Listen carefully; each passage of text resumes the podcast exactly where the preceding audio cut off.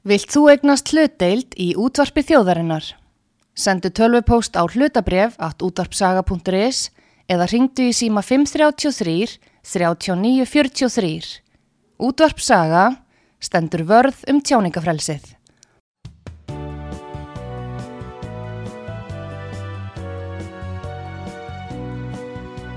Sýteðis útvarpið á útvarpi sögu í umsjón Pétur Skunlökssonar.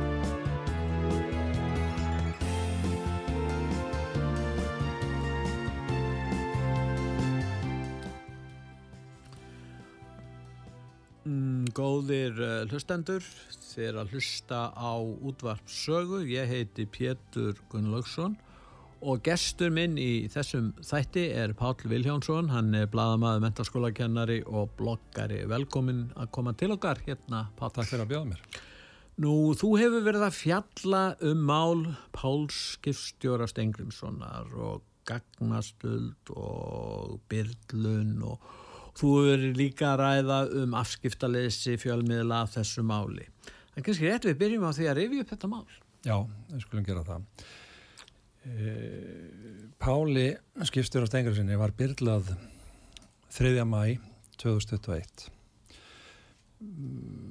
Hann var meðutundalös í 2,5 þrjá sólarhenga. Á meðan hann var meðutundalös þá var síma hans stólið síminn var afritaður og símanum skilað. Þrejum vikum uh, tæplega eftir að hann hérna, var fyrir þessari ömulegu lífsreynslu fær hann símtal frá bladamennum kjarnas og stundarinnar sem segjast vera með gogn sem segja að Pál skipstjóri sé höfupörun í svo kallaðri skerlega delt samherja Viku áður en fjækt þessi símtöl hafði Pál kært að einhver hafði áttu síman sinn. Hann vissi ekki hérna hverskins væri en sá að hafði verið áttu við hann. Og svo hafði hann uh, fengið upplýsingar um að að meðan hann var á gjörgjæslu þá hafði einhver uh, sendt skilabúðu símanum til að þykjast vera hann. Ég hef fjallað með þetta frá hvað haustinu 2021 og þetta verður smátt og smátt að skýrast. Ég vissi fyrir uh, þá nokkru að uh, uh, Byrlarinn var eiginkona Páls sem að gengur ekki heilt í skóar. Það er komið í ljós í dag. Það er komið í ljós í gær Já. í fréttum heimildina. Ég talaði um andlega veika konu og konu sem áttu sátt að binda Já. sem var nákomið Páli en, en þetta ákvaðu RSK-miðla sem kallaði svo, Rúf, Stundin og Gjarnin, núna heimildin að segja frá í gær að þetta er eiginkona skipstjórnans og það sem hefur þá gerst er eftirverandi. Hún er veik og andlega veik og þetta þeir sem eru með glíma við uh, þannig vanda, þeir eru ekki alltaf með sjálfum sér. En það kemst þarna á samband milli hennar, eiginkona Páls og bladamanna í april 2021 svona einhver starf á bilinu tvær til fjóra vikur áður við vitum ekki nákamlega hvernig uh, gögnin hafi ekki sínt fram á það sem er þegar komin í umferð frá lauruglu en það eru tveir fyrir möguleikar skilnaðalögfræðingur uh, konar sem hafi farið fram á skilnaði Pál eftir áramót 2021 er Lára Vaff Júliustóttir lögmaður sem er þekktur lögmaður og nátengd í gegnum samfélkingun inn í kerfið. Það er möguleiki að hún hafi vakið aðtikli fjálmiðlega á að þarna var í kona sem að hérna, geti hjálpað þeim í að glekja á samherja sem að e, þeir hafa verið að gera núna frá hvaða 2012 í það minsta þegar að Sæðlabankamáli byrjaði. Og við skulum hafi í huga þetta vor e, 2021 þá stóð, e, stóðu fjölmiðlandi mjög illa vegna þess að einn aðal fórsprakkin þeirra, Helgi Seljan, hafi verið dæmtur fyrir alvarlegt brota á síðarreglum rúf sem þá voru gildi einmitt fyrir namnbjörnfjöldina. Þannig að þeir vildu koma að höggja á samherja og komist þarna í kynni við eiginkona sem að hefur glimt við andlega veikindi af þeirri starra gráðu að tvísvar hefur hún verið nöðunga við stuð á sjúkrastofnu þannig að hún er alvarlega veik eh, kona og þeir gera einhvers konar samkomlag, einhvers konar bandalag við hana um að hún geri Pál óvígan, við vitum ekkert hvort að hérna, þeir voru með ráðum að velja hvernig en uh, hann var gerður óvígur með að hann var byrlað og var nær döðun lífið þennan tíma sem hann var á uh, gjörgjæslu fjóruða til sjötta mæ þá var börnunum að sagt það er ekkit vist að þið sjáu pappa eitthvað aftur á lífi. Það kemur fram í sjúkraskíslu. Það kemur fram í sjúkraskíslu. Þetta var mjög alveglegt uh, eh, hérna, ástand á manninu, hann var í önduravél og á gjörgjæslu ja. og algjörlega meðvindunlaus. Þannig að uh, bladamenn og hafa þá náð einhverjum tökum á koninni og hún sjálf, auðvitað með ránghugmyndir, það er nú hluti af því að vera andlega veikur, hafa ránghugmyndir um lífið á tilveruna, hafði ímyndað sér að Páll heldi fram hjá sér, hafði ímyndað sér að Páll var í bandalagi með Samerja gegn sér og bara ránkvömyndir eins og því miður. Hún til sig að vera að verja sig. Emmitt að hún átti þarna vinum að fagna sem voru þá í andstöðu við uh, Samherja eins og hún og Þeir fá þessi gögn þannig 5. 7. þetta er mjög einföld aðgerð að afrita svona síma þeir vissu fyrirfram hvernig síma uh, Pál notaði voru búin að kaupa annan það er staðfest að uh, Þóra Arnánsdóttir, Rittstöru Kveiks var búin að kaupa í april þennan síma Samsung síma sem var samskonar og Páls og koma á hannu nummer sem var mjög keimlikt nummeri Páls 680 2140 minnum mig og símanúmi Páls er 680 2140 og eitthvað þannig að veldu símanúmi sem var mjög kemlíkt þannig að þau fá gögnin og svo býða þau í þetta tæpar þrjár vikur með því að byrta og ástæðan fyrir því að þau býða er þessi að uh, sími geymir staðsetningur sína alltaf tvær vikur aftur í tíman uppfærist þá reglulega staðsetningabúna þannig að þau töldu að uh, þau væri búin að sjá til þess að Sými Páls hefði engin merki síndum hann hefði verið í nágrinni til dæmis við rúf á efstaleiti en að því að Pál átt að sjá þessu svona 10.12. og fer til laurugluna 14. þegar hann vissi ekki hva, hverjir hefðu átt við síman sinn og kærir málið, þannig að hann kærir eitt ákveðin einstaklinga þannig að hann veit ekkert hvað hverskins var en hann segði byrju hér hefur eitthvað verið gert við síma minn og slekkur á hann með leiðinni. Þar af leiðir uppfærist staðsetningabúnaðurinn ekki þannig að hann geymir upplýsingar um hvað hann var þennan tíma þriðja til sjötta þegar Páll var meðundadurins. Og hefur komið í ljós að var í efstaleiti. Og hann var í efstaleiti, ja. ekki nóg með það, heldur var í... Það er engin ágreifingur og það liggja fyrir sörnagögn. Það liggja fyrir sörnagögn, þetta er í gögnum lauruglu. Ja. Og ekki nóg með það heldur er uh, eh, smitrækningaforitt í símanum, þetta var á COVID-tímum, sem að les þá alla síma sem er í nákvæmni og hérna þurfum við svolítið að álíkta út frá svona spurningum lauruglu eh, Þórðusnær til dæmis er eitt stjóri heimildarinnar áður kjarnars er spurður að því í lauruglu yfirheyslu hvað hann geti sagt um síma Pál Skipstjóra. Og hann segir ég get ekkert sagt um það veit ekkert um þennan síma hef aldrei heyrt um hann að tala og svo framvegis þá getum við spurt okkur sjálfur sem áhuga mennum störflauruglu ef að maður er í yfirheyslu og spurður svona spurningar hverju, hvert er þitt eh, hverju þín tengslu síma Pál Stengriðssonar þá er lauruglan með upplýsingar í höndunum til dæmis að þinn sími, þinn persónli sími hafi verið á þessum tíma í nágrenni við síma Páls. Þannig að ég hef álegtað að mjög líklega á þess að ég hafi séð beingögnu það, hérna er að draga álöktun af því sem að likur fyrir í yfirherslum að lauruglan viti nákvæmlega hvaða bladamenn voru nálagt síma Pál Stengriðssonar þegar sími var afrið. En getur ekki verið að eftirleit hafi látið bara heimildin eða kjarnan á sínu tíma fá hérna, upplýsingar úr símanum á þess að þessi blagamæður hafi vitað það er alveg hugsanlegt því að það sem Já, gerist það, það er alveg vel mögulegt það sem við vitum út frá uh, hérna, því sem að byrtist í stundin og kjarnanum Já. og tökum eftir símin er afritaður á rúf en rúf byrtir ekki neitt Nei. Byrtingin fer fram á Já. stundin og kjarnanum samkvæmt samræmdu skipulagi. Þetta er svona verkaskipti. Þetta er verkaskipting og mjög sérstakt fyrirkomulega ríkisfjölmiðil sé einhvers konar heilsölu vettfangur fyrir fréttir fyrir jáðarmiðla eins og kjarnin og stundin eru. Þeir eru smásalandir. Það eru smálsalar. Og þetta var auðvitað gert, gaggjart í þeim tilgangi að búa til uppslátt og vekja máls á þessari þessum skálskap um að samherri ræki sérstakar skærulega deild sem væri að herja á bladamenn og þetta tókst full, fullkomlega hjá þeim í þeim skilningi að kjarninustundin byrtu þannig 21. mæ 2021 frettir, samræmda frettir þar sem skærulega deild var í hérna, fyrirsögn Bekkja og síðan er þessu dreift á samfélagsmiðlum.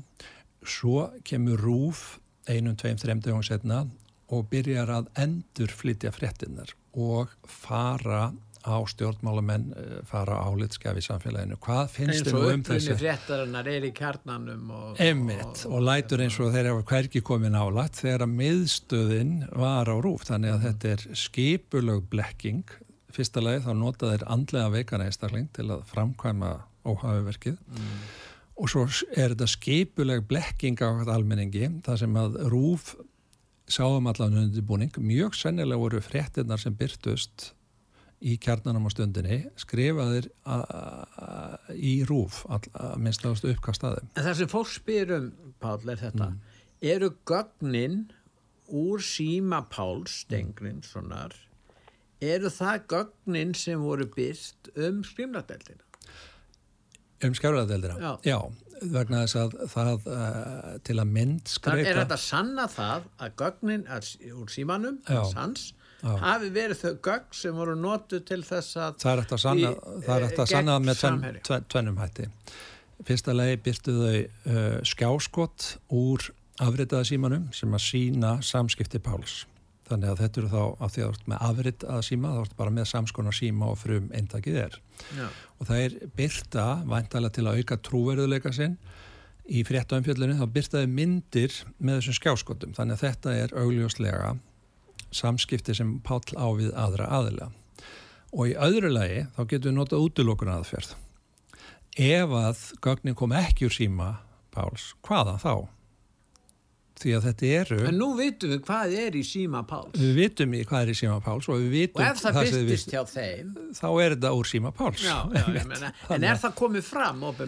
Lörglan er ekki búin að, er eitthvað í gögnum sem að menn hafa komist í uh, frá lörglunni að norðan sem að sína fram á að þetta sé ótvírætt? Já, eins og ég var að rekja, það, það er engin möguleiki á að uh, þessar upplýsingar hafi komið úr öðrum gögnum en þau sem voru í fórum Pál Stengrimssonar og þau sem voru í Símans. Þa, það er bara hægt að útiloka það með því að segja En, en það, sem þú ert að segja er að fimm, það eru fimm blaðamenn sem eru tengd til þessu og hafa stöðu sakborninga í refsimáli. já, Byrlun og, og gagnasúl.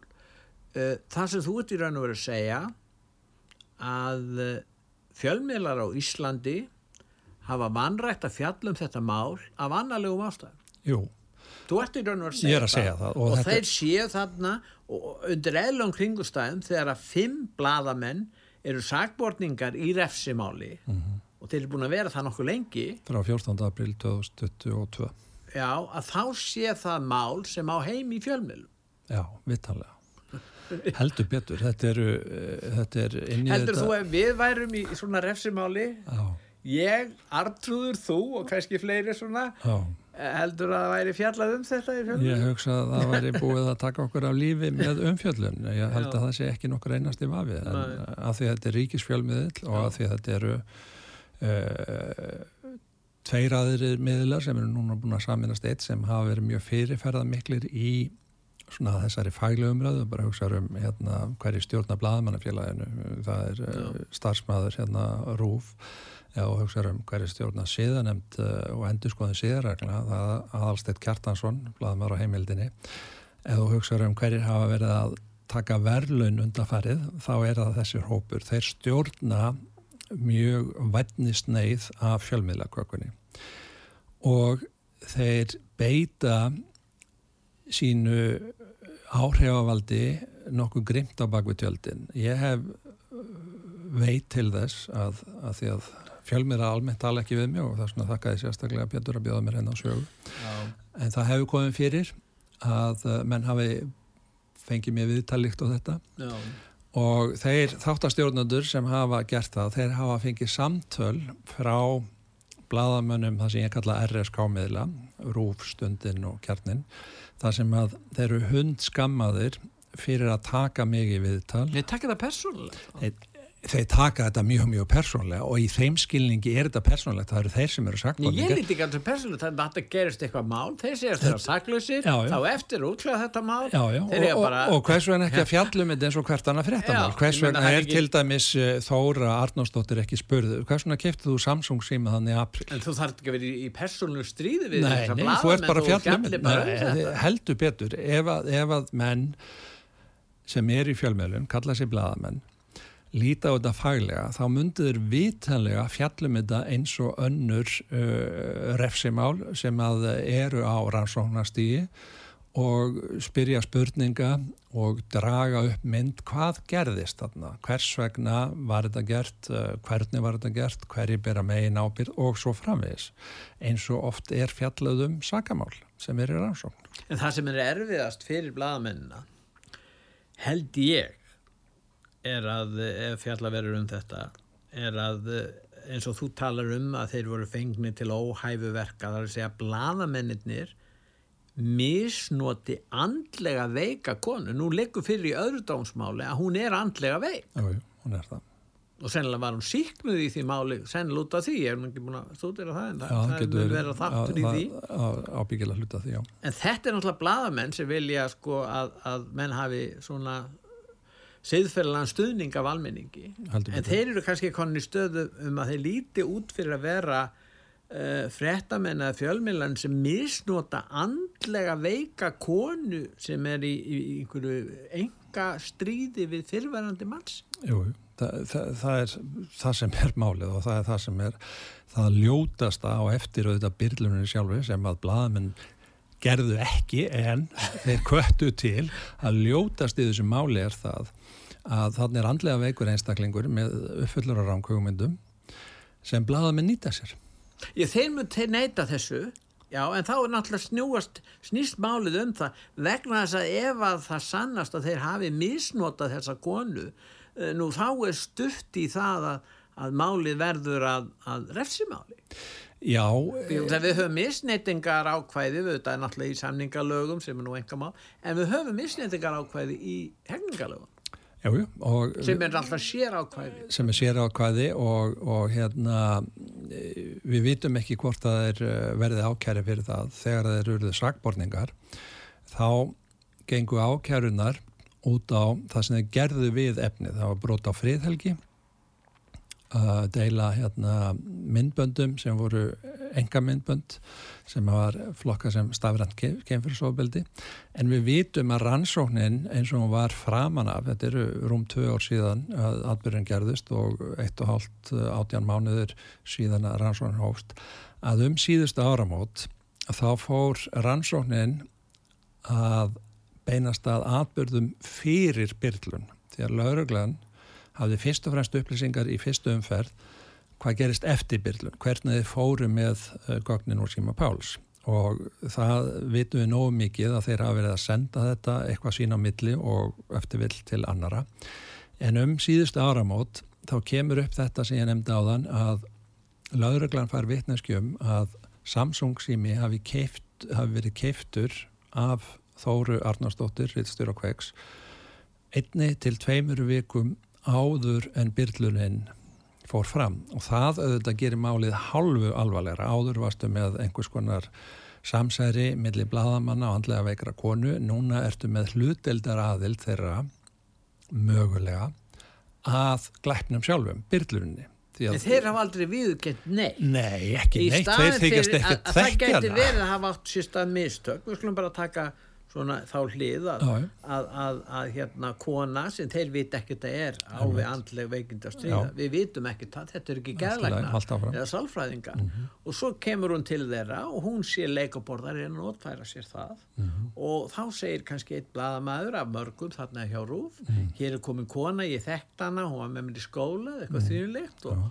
og ágæti spaniska og ég treysti henni og hún er bara með upplýsingar, mjög alvarlega upplýsingar um, um ákveðina misnokkuð sem á sér staði í stærsta útgerðafélagi landsins og lagi. þjóðin á sannal rétt á, á þessu við eigum jú sjávaröðlindin og allt það skilur Já, já. Skilur, já. og, og þess vegna síðan hafi kannski ímislegt komið í ljós setna, en það hafi bara verið á góðum vilja Rétt.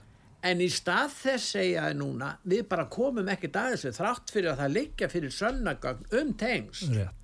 Að, er, er þetta ekki vandamál Jú, að er- snúa það- þá tilbaka og fara þá, hvað ég maður segja mjúkuleiðin í þessu og segja Já. þetta voru mistök við erum hægt að vinna þarna flest okkar sem kom að þessu Mhm. og, og, og, og, og þá gata íslitingar menn bara eru þannig á Íslandi sem betur fyrr segi ég að menn vilja fyrirgefa mistök já. Ef, Er það ekki þannig? Jú, ef að e, málsratik hafi verið þannig Já. að eiginkona Páls hafi byrlaðunum tekið símans Já. og ekki haft samband við neitt áður uh, flett sjálf eitthvað í símanum og eitthvað föndara við hann og fengið þá hugmynd Já. eftir byrlun og eftir stuld já þeir þannig á rúf stundin og kjarnana hafa kannski áhugað þessu efni og rölt sér síðan niður þetta er nú Já. ekki langt frá hérna landsbítalanum yfir í efstaleiti og rölt sér þarna niður og sagt uh, niður eftir og, eða upp á hæðina þarna og haft samband við Rakel sem hún vann með í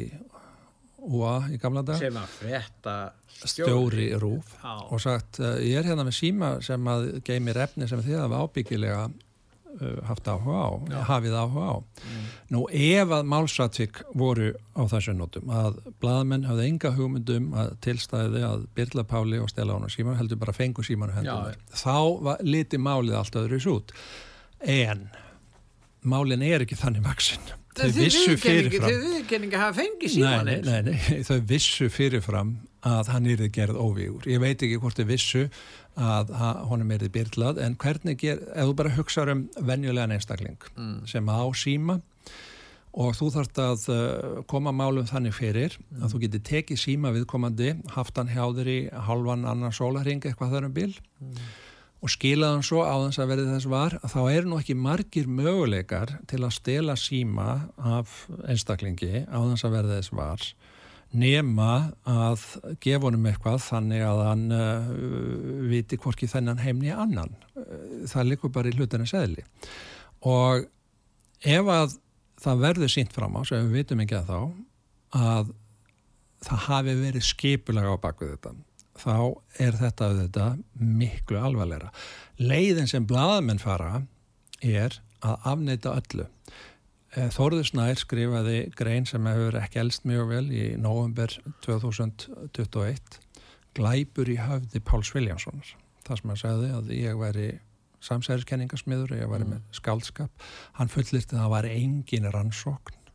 Það stæði ekki yfir, yfir neina aðtögun á þessu en við vitum úr gögnum að 5. oktober 2021 var eiginkona Páls Stengriðssonar kölluð í sína fyrstu yfirheyslu þar sem hún er spurð um þessi málsatvík.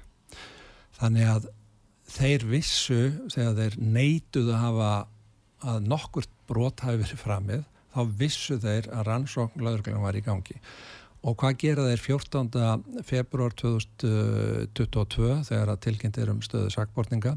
Þá þyrlaður upp eh, moldviðri, þeir reyna efna til mótmæla á östuvellu um ofsóknir löðruglunar. Þeir eru að reyna að búa til einhverja frásögn um að uh, löðruglan sé handbendi samherja og vilji fá heimildamenn þeirra eða eitthvað slíkt.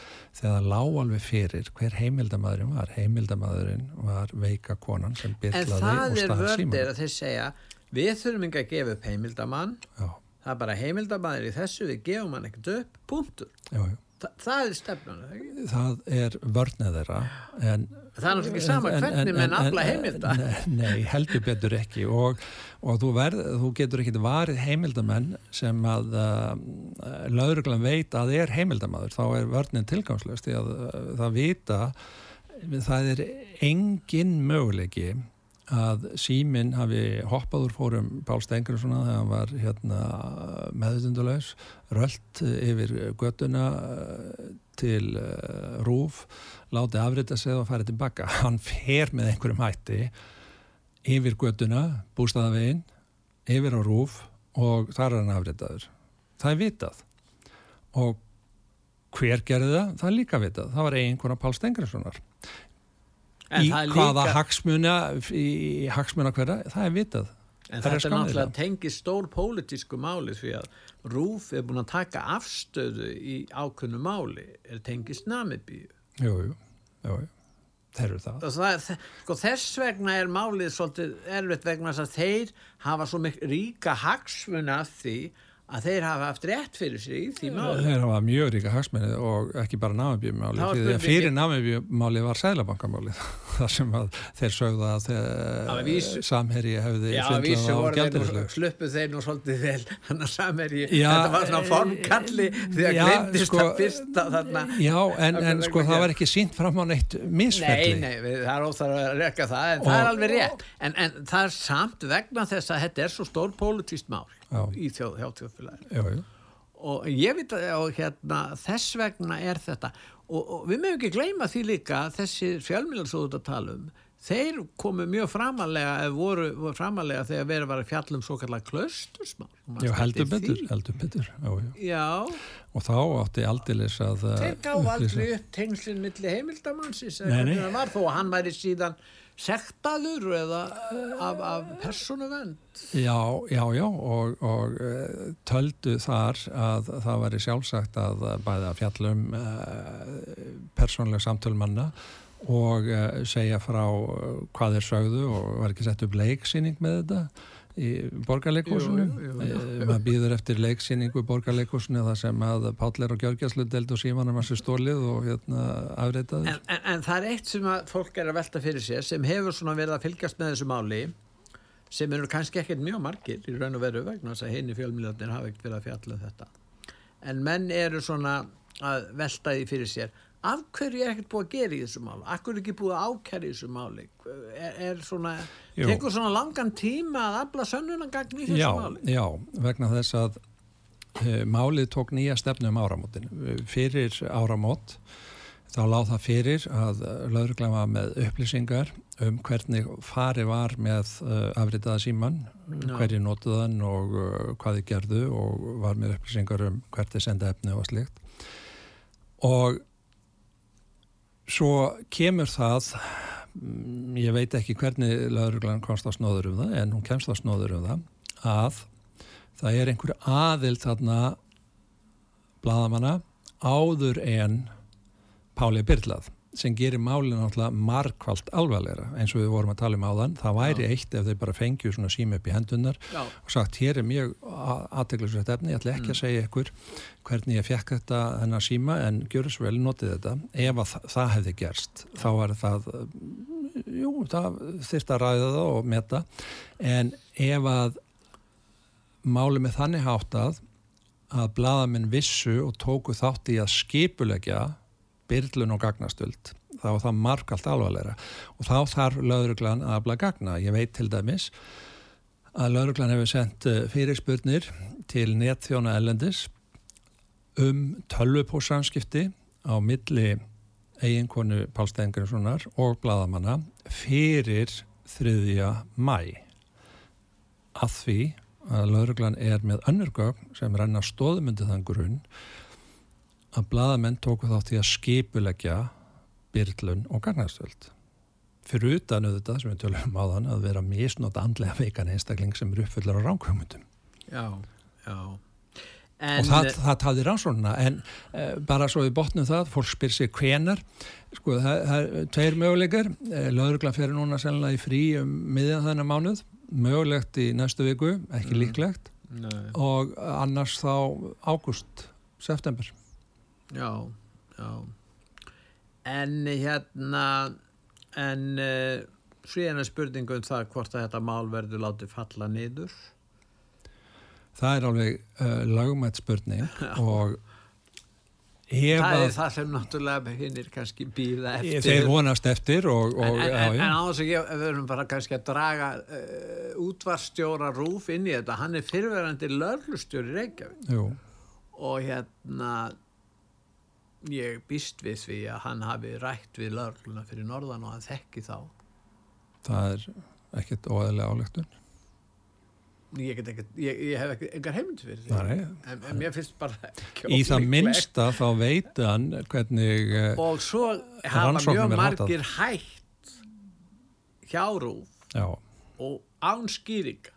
Og þetta er nú, þú, eins og þú veist og þá eru fjölmiðlastarfið ekki það hérna albærasta sem menn fást við nei, og einu, einu hundalíf sem hafa góð almennleg laun, þeir vinna hjá rúf Rétt. þannig að þú fer, ekki- menn fara ekki að hætta ef þeir líta á þetta sem starfsitt að Nei, hætta nei, þar nei, og ekki án skýringa Einmitt. en ég held að þeir séu fjórir eða fimm sem hafa gert það Já, já, að við bara förum yfir það. Aðalsteinn Kjartansson sem var uh, á Rittstjórn Kveiks undir Þóra Arnarsdóttir, hann hættir uh, 30. apríl uh, þrem dögum fyrir Byrlum Páls. Flyttur á stundina, sem Ingi Björg Kjartansdóttir er rittstjóri, hún er sýstir hans, til að vinna einhver sérverkefni. Eh, Eftir að málið kemst eh, til umræðu, það er ekki hægt að segja að það komist í hámæli því að hámælin hafa ekki verið neinn, ég hef verið að blokka um þetta og svo hefur verið slíturur byrtar uh, hér og þar en almennt hafa fjálmjöla þag, þag, þagaðu um málið. En eftir að rannsókn fer á stað um haustið og menn verða þess áskinni að þetta er lauruglega rannsókn, þá hættir Rakil Þorbergsdóttir, fréttastjóri, Já. um áramótin uh, 2021-2022 hættir uh, Helgi Seljan og núna í februar hættir Þóra Arnarsdóttir sem satt lengst. Hún satt í stól yfirmanns, uh, rittstjórnar, uh, hún er rittstjóri Kveiks, í rúmt ár sem meir og sakbortningur. minna þjóðþektir velkynntir einstaklingar vinsælir Já, af hverju er það hægt?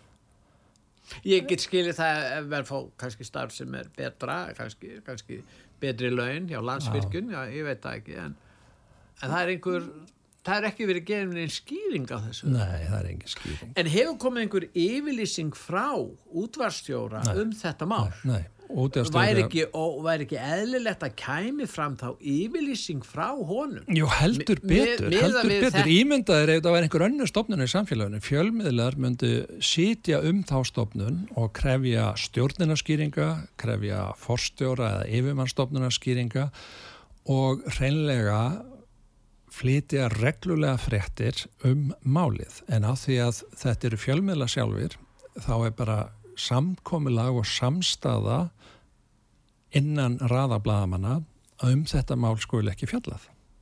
En þetta þýðir það að önnur mál sem að kannski eru svona viðkvæm og, og tengjast uh, áhrif að miklum fjölmiðlamönnum og það má búast við því að almenningur fá ekki mikla vittnesku um það fyrst ef þetta gengur eftir. Jú, og þetta hefur gengið eftir og, og þetta verðist vera að einhvers konar bræðra og sýstralag sé þarna ríkjandi. Við skulum aðtöga að fjölmiðla stjettin er ekkit uh, fjölmenn, uh, kannski eru það á þriðja hundrað sem að eru svona að starfa í þessu að, að einhverju ráði Já. og þetta eru fyrirverandi samstagsfélagar, núverandi samstagsfélagar og verðandi samstagsfélagar. Það erum, eins og við vorum að tala um áðan, það hefur þótt uh, vera best að, bestu kjörin að fást á rúf. En þú ert að tala um þá sem útluta þessum velunum líka? Já, jú, þetta, er- þetta er handfyllega fólki, þetta, er, þetta eru bara vinnir og vandamenn í raun. Það, Já. það er bara þannig og Já. það ömulega í málunni er að þeir taka samstöðuna innan eigin raða, jável þegar um alvarlega afbrót er að ræða, fram yfir þjónustu sína við almenning. En fjölmiðlar og blaðamenn eru fyrir almenning, þeir eru ekki fyrir sér sjálfa og þeir hafa verið að fá ríkisfjö, sumir svolítið mikið, eh, rúf eh, verulega mikið, Já, stjórnmálamenninir minna. vilja eru halda náttúrulega þeim góðum, halda þeim góðum, en það að er í þáu, já, já, en, en, en, en, en í þáu almanahags til að fjalla um uh, almanahagsmunni. Er þeir að því, út af því? Já, sko, í raun og veru stjórnmálastjettin að tryggja sig. Jú, Hjá stjórnmál, þessum hópi. stjórnmálastéttin er, að- er, er, er er kaupa sér velvild, er það er engin vafi. Það er þessu. Já, já, já, þeir eru að kaupa sér velvild, það er Við engin sjáum vafi. bara núna En réttlætingin er þessi. umfjöllunna í sambandi við frumvart til breyting á fjölmiðlalögum. Já, Það tekst bara ekkert að breyta neinu þarna. nei, Þú veist hvernig það er. jú, jú, og, og þetta er, er, er hérna... og, og ráðherran vill ekki koma að því. því að hva, hvaða meðferð fengis á ráðherra ef að, ef að ætti að fara að taka á uh, forréttindastöðu Rúf. Rúf, já, hún er þið sennilega jarðuð af Rúf. Já, þið er að hlusta á útvarssögu, ég heiti Pétur Gunnlaugsson og ég er að ræða við hann Pál Vilhjánsson, bladamann og, og hérna bloggara og við ætlum núna að hlýða á nokkrar auðlýsingar og eftir auðlýsingar hlýða þá ætlum við að halda umræðinni áfram.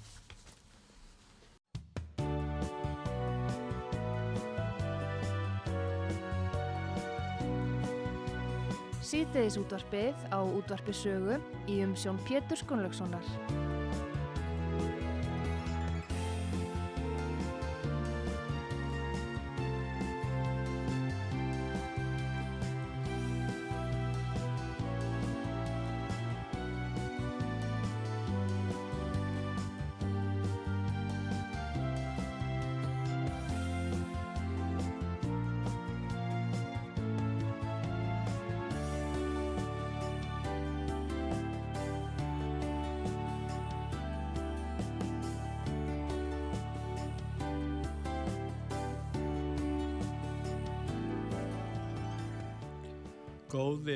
Hlustendur, uh, þið er að hlusta á útvarpsögu, ég heiti Pétur Gunnlaugsson og ég er að ræða við hann Pál Vilhjámsson, bladamann og bloggara.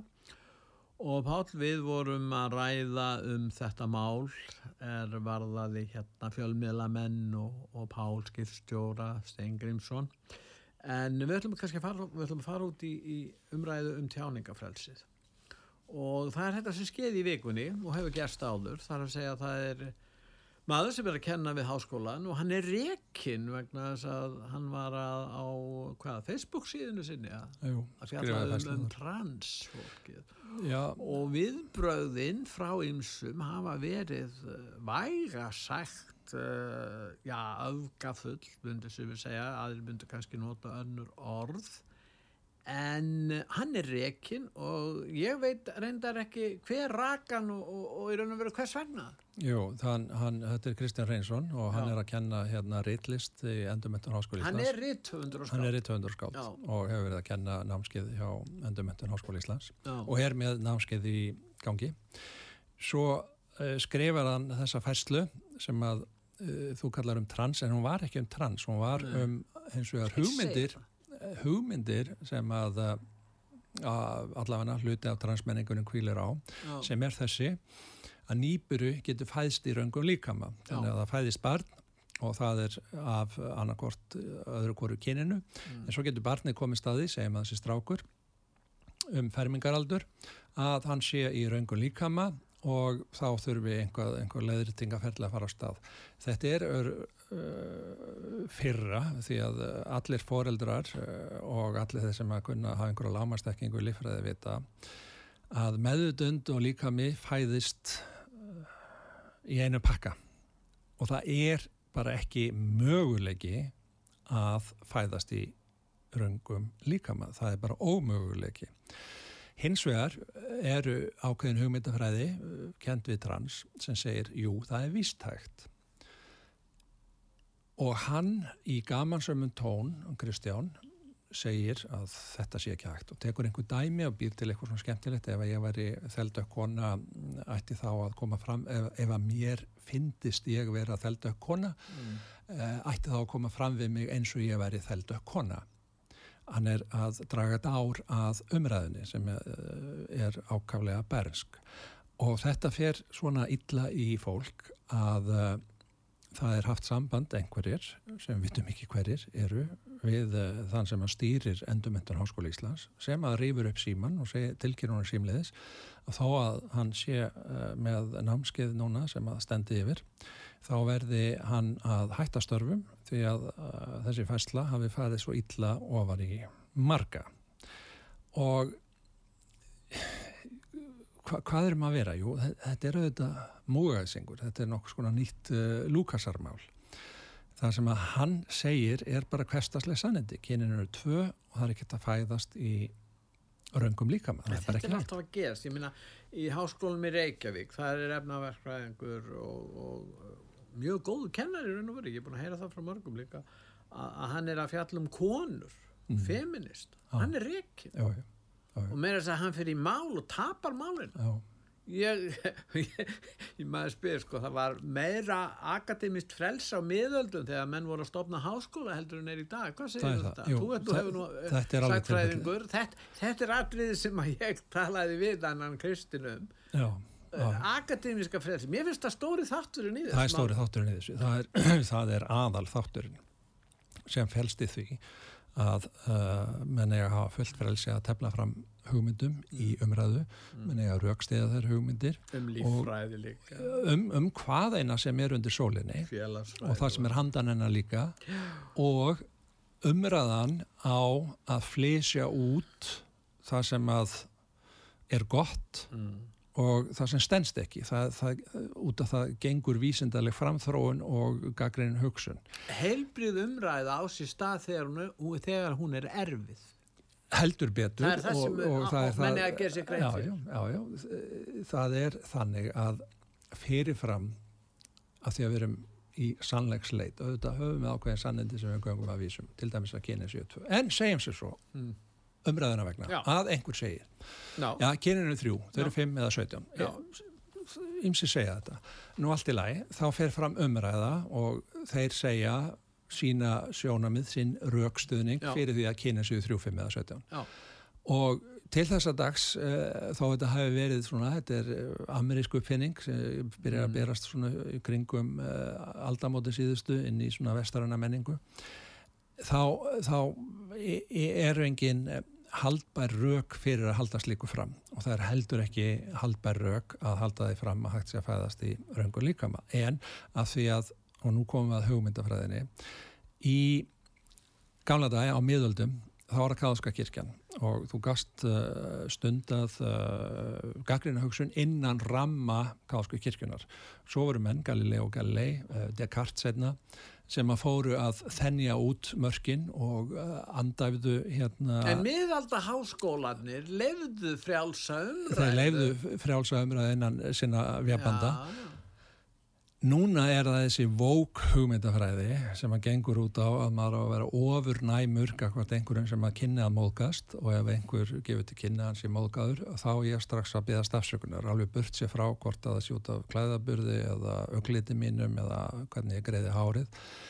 Ég íkja aðeins og þetta en það er þessi uh, hugsun um að engin megi móðgast og það hafa sumi nýtt sér þannig að þeir vakna á mótnana að leita einhverju til að móðgast og svo fara þeir gegnum daginn og er að reyna uh, móðgast og kvarta undan því og tala ekki um ef að viðkomandi er í einhverjum skilningi einhvers konar minnilutu hópur kona með uh, ekki kvítan húðlitt uh, á eitthvað bátt í einhverjum einum með öðrum skilningi minni, til er minnilutu hóp að þá er svona krafan um að það geta sérstakara varúðar að móðga þá ekki. Og þetta er mjög slæm þróun því að hún grefur undan háskólasamfélaginu þegar það verður til svona pólitísku réttrúnaður þar sem ákveðnar hugmyndir eru samþektar til dæmis að það sé hægt að eh, fæðast í raungu líkama sem eru augljóslega og sannanlega rángar að þeir sem að ganga inn í háskóla þeir uh, fá tilfinninguna að byrju hvað er verið að kenna hér? Ég fengið símtöl frá nefndum sem er að hugsa um að vera kennarar Mm. það sem ég spurður, hvernig er þetta í skólum landsins? Er þetta þannig að það sé hægt að anda þar? Í merkingunni er hægt að hafa það sem við myndum kalla helbriðaskoðanir eins og það kynni séu tvö. Og ég hef nú sagt, já, kennar í framhaldsskólum eru almennt svona á eldri kynsluðinni, þeir sjá og horfa á þetta en það er ekki margir sem að svona fallerast fyrir þessu. Þetta er auðvitað tískubilgja sem mun ganga sér til húðar því að, að halda fram bábiljum, að hafa segja fram uh, hérna, uh, en fæðist þá röngu eftir líka að valda það, það, miklum sársöka óheimja sársöka ekki síst hjá ungu fólki sem að ef að maður er ungur og ístöðulegs og heyrir einhvern sem að er með einhver staðsetningu í samfélaginu, kennari, háskólaprofessor og hvað og segir það getur vel verið að þú settir röngu líkam, þá bara giskað á við fæðingu af hverju kynin þú ert. Þá getum við alveg séð að ungt ístöðulítið fólk getur látið fallerast og sagt, byrju já, það sem að bjátar á hér mér er lífin er það, ekki það ég sé ekki nógu dölur að leggja mig fram, ekki það ég sé tilengi mér sjálfsaga, stundvísi, skinnsemi, nei, það er ekki það, heldur er ég bara í röngu líkama. Þannig að öll mín vandamál eru það að ég er í röngu líkama. Þú sérði alveg hvert þetta leiðir að eh, einhverju sem eiga að glíma við erfiða sjálfsmynd að þeim, þeim er bóðin hugmyndafræði sem útskýrir allt fyrir þeim. Þú er bara röngum líkama vinnurinn eða vinnan. Hann ákveður það sjálfur. Og ef hann ákveður það sjálfur í röngu líkama þá er það bara satt. Já, en ef einhver ákveður að hann sé sko geðveikur og kannski maður sem er heldur sko. og segir Já, ég minna ekki til skipt máli eh, fyrir rétti meðal annars og við það, ef hann segir hennilega, nei, ég er bara geðveikur og ég veit best um það sjálfur. Já, uh, enginn hefur betri aðgang að þinni eigin meðutund heldur nei, þú sjálfur. Nei. En á heimbóin, enginn á auðveldara með að ljúa um ástand eigin meðutundar heldur um að það sjálfur. Þannig að jújú, jú, einhver getur sagt ég er geðveikur, ég er geðveik og vil, vilja fá út á það eitthvað, samúð eða eitthvað lindi, já, já, já, það er alveg að segja það. Umburðalindi, segðu, kaupa sér umburðalindi með því. Það, er alveg, alveg eh, til í dæminu, en, en mm. það sem að, eh, að því vorum byrjuðum að tala þann um málfræsið, það sem að hefur verið svolítið að þróast út frá þessari hugmyndafræði að það er ekki skoðanir sem að skipta máli, heldur tilfinningar. Skoðanir þarf að raukstiðja. Þú setur eitthvað fram og svo þarfst að stiðja það raukum. Tilfinningar hins vegar er bara eitthvað sem að er hægt að búa til innan með sér eftir þörfum. Og sumir vilja að það séu tilfinningar sem að ráða en ekki skoðanir. En þá lendum við í forar pitti tilfinningar því að hver getur sagt að einn tilfinning sé merkilegur heldur en önnur? Enginn getur sagt það. Hins vegar er hægt með umræðu að nálgast sjónamið um að einhver skoðun sé rétt hærri heldur en önnur eða eigi meiri innistæðu heldur en önnur og það gerist í umræðu. Já, já, já. En uh, þá má líka benda á það að sko við höfum þetta ákvæði hérna í uh, mannréttindarsáttmála tíundu greinum um tjáningafrelsið og svo er það ákvæði í, í eh, stjórnarskráni. En það er einnig ákvæði í eh, mannréttindarsáttmálanum um eh, samfæringarétt og mm. frjálsar hugsanir og, og trúa það. Það er svona ákvæði sem menn ætti að kíkja á vegna þess að það er svo margt í lífinu sem við getum ekkert sannað og vitað um en við höfum kannski ákvæmna samfæringu fyrir því. Og hérna tallemis í sambandi við og, og þetta ákvæði áðurum verið að verja menn Já. fyrir því mm -hmm. og, og þetta komið aðrið vegna þess að mörg þessi, þessara mála sem við erum að tala um eru svona viðkvæm að þau, þau eru kannski anstöðu við trúarsamfæringu fólks Já. Já. og við vitum það vel að það búið að afnema ákvæðum guðlast, píratarnir náðu því í gegn. Og þingheimur fyldi mm. með. Og það þóttu meðlegt að tilgangur með því ákvæði var að verja uh, trúartilfinningar og hérna þeirra trúuð þeir sem mm -hmm. álita sem trúa. Þannig að það var í raun og veru mjög mikilvægt. En það þótti eðlegt að amnima það þá, þú ert að tala um tilfinningar. Þarna voru tilfinningar hinn að trúuðu mm -hmm. skiptu það litlu máli. Hinn trúuði hvorki gætt sannan í afsanna eftir þeim reglur sem við höfum Árið. í hinn verallega heimi Árið. þetta sem hann trúir á. Árið En, en hann hafði tilfinningar þar. Já, betur, og hann vildi á guðlast ákvæði var að verja þessa tilfinningar. Mm -hmm. en það var hann mjög gildi. Og þá er spurningin hvaða máli eru það sem að eiga að vera þess eðlis að tjáningafrelsi á að skerða á að skerða í ákveðinu máluflokkum erum að tala um umræðin um feminisma eins og þessi kennari mátti þóla í háskólanum í Reykjavík var ekkinn, erum að tala um málefni kannski samkinnheidra eða einhverja slik mál, eins og til dæmis eitt prestur, hann, hann Snorri Betel mm. var ekkinn út af því, erum að tala um innflytjandamál, erum að tala um kennslu í skólum, nú ég var ákærður ránglega reyndlar fyrir það, mm. Við vorum að ræða það voru innsingendur sem voru að gaggrína ákveðna kennslu í skólum, sexóra börnum oh. og sambandi við, við, við eh, ákveði mál. Nú, hvar, hvar á að draga línar og, og hvaða málefni er þetta og svo er það mm. hvaða skoðun á að ráða og hverjir ráða það. þetta Þa, er náttúrulega, þetta, þetta er að verða hans erfið. Eh, já, en uh, við getum einfaldamálið. Já. Hvert og eitt okkar hefur rétt til eigin tilfinninga, eigin sannfæringar um hvað eina. Mm. bókstálega um hvað eina. Já. Hins vegar höfum við ekki rétt að ætlast til þess að mín sannfæring gildi fyrir þig. Þú hefur þína, ég hef mína. Mm. Báðar í rétt áar. Ef að við kjósum, þá getum við farið að skipst, skiptast á skoðunum um samfæringu hvorsum sig og kannski komast það niður stöðu en kannski bara verið sammálum að andmæla. Það sem er hér á ferðinni tvent. Það er annars vegar marréttindi eh, til að hafa þá samfæringu sem að kýs, til að tjá sig það sem að kýs, það er eitt. Hins vegar er það, það sem við höfum verið að ræða, þessi vók hugmyndafræði sem gengur út á pólitíska réttrúnað. Réttrúnað á þetta og hitt og það byggir á kröfinum að ef einhver segist uh, vera móðgæður uh, og eða eiga bátt, þá er aðrir að taka tilliti til þess.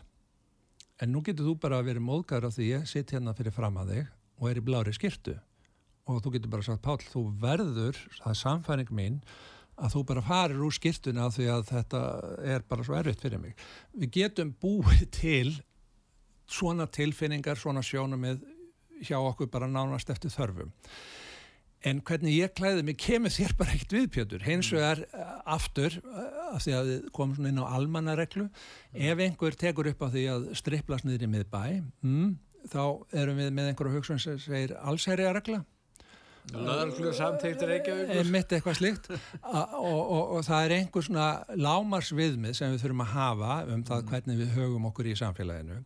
En það að tefla fram einhverjum skoðunum eh, um samkynneið eins og þú nefndir um útlendingamál um eh, hérna hvort það sé að fæðast eh, af röngu kynið ekki það á að vera algjör lopið því að þetta eru skoðanir, þetta er ekki eitthvað sem ég segi þér að gera eða skipa þér að gera eða ætlast til að þú gerir, þetta er bara, ég get haft sa þessa samfæringu um að landið að vera opið útlendingum eða ég get verið þeirra samfæringar að landið að vera lokað útlendingum. Svo og svo tefli ég fram þeim sjónamiðum og ru- reyni að raukstiða þau og við eigum einhvers, einhverjum samtal annarkvort hér eða eldursporið heim eða hvaðina og kannski kemst niðurstaða, kannski ekki. Ég er að minna, svimmáli eru eiliðamál þú myndist á trúmálin á þann menn hafa í eilífðinni eh, eins lengi og elstu menn munna og jafnvel ögl lengur e, þrátt á þeim trúmál En þetta er aðteglisvert að sem tala sér frálslinda, þeir vilja skerða. Já, það Það, er það sem er, það minnir á byltingamenni í frönsku stjórnabyltingunni sem voru að rausa um, um hérna, tjáningafrelsi og re réttláta málsmeðferð fyrir dómi. E, þeir vildu kvorugt, þeir voru að taka menna lífi, þeir tók á samdæg og svo lífi, það var engin áfríð þar. Nei, engin og Þetta, er- fólki sem segist á að höndla sannleikana En sérðu hvað þetta er líkt með vókfólkinu Já, já. Og byltingamönnunum, Robespierre og, og þessir sem þeir eru svo líkir. Það er ótrúlegt. Ég vona bara menn fara að sína bíómyndir og skrifa lesa bækur um frönsku stjórnabyltinguna Já. sumar að vísur verri en aðrar en það er annar mál. er en, fransku en þarna sjáum við greinilega að það er ekki nóg að telja sig vera frjálslindan það er ekki nóg að leggja fram réttindaskrá Mm. þar sem er talið er upp ímis mannréttindi það er ekki nóg Mm. Þú verður að virða það að aðrir eru andstæðara skoðun en þú Þannig að aristokratatir sem voru þarna teknir fyrir, Mm. þeir síndu í mörgum málum miklu meira umburðalindi heldur en. Já, jú. þannig er að þeir frjálslindu er fasistannir. Geta verið. En við höfum að ljúka þessu Pál. Ég þakka þér fyrir að koma til okkar Takk hérlega fyrir að bjóða mér. og ég eh, þakka hlustendum út var sögu fyrir að hlusta á þáttinn. Verðið sæl.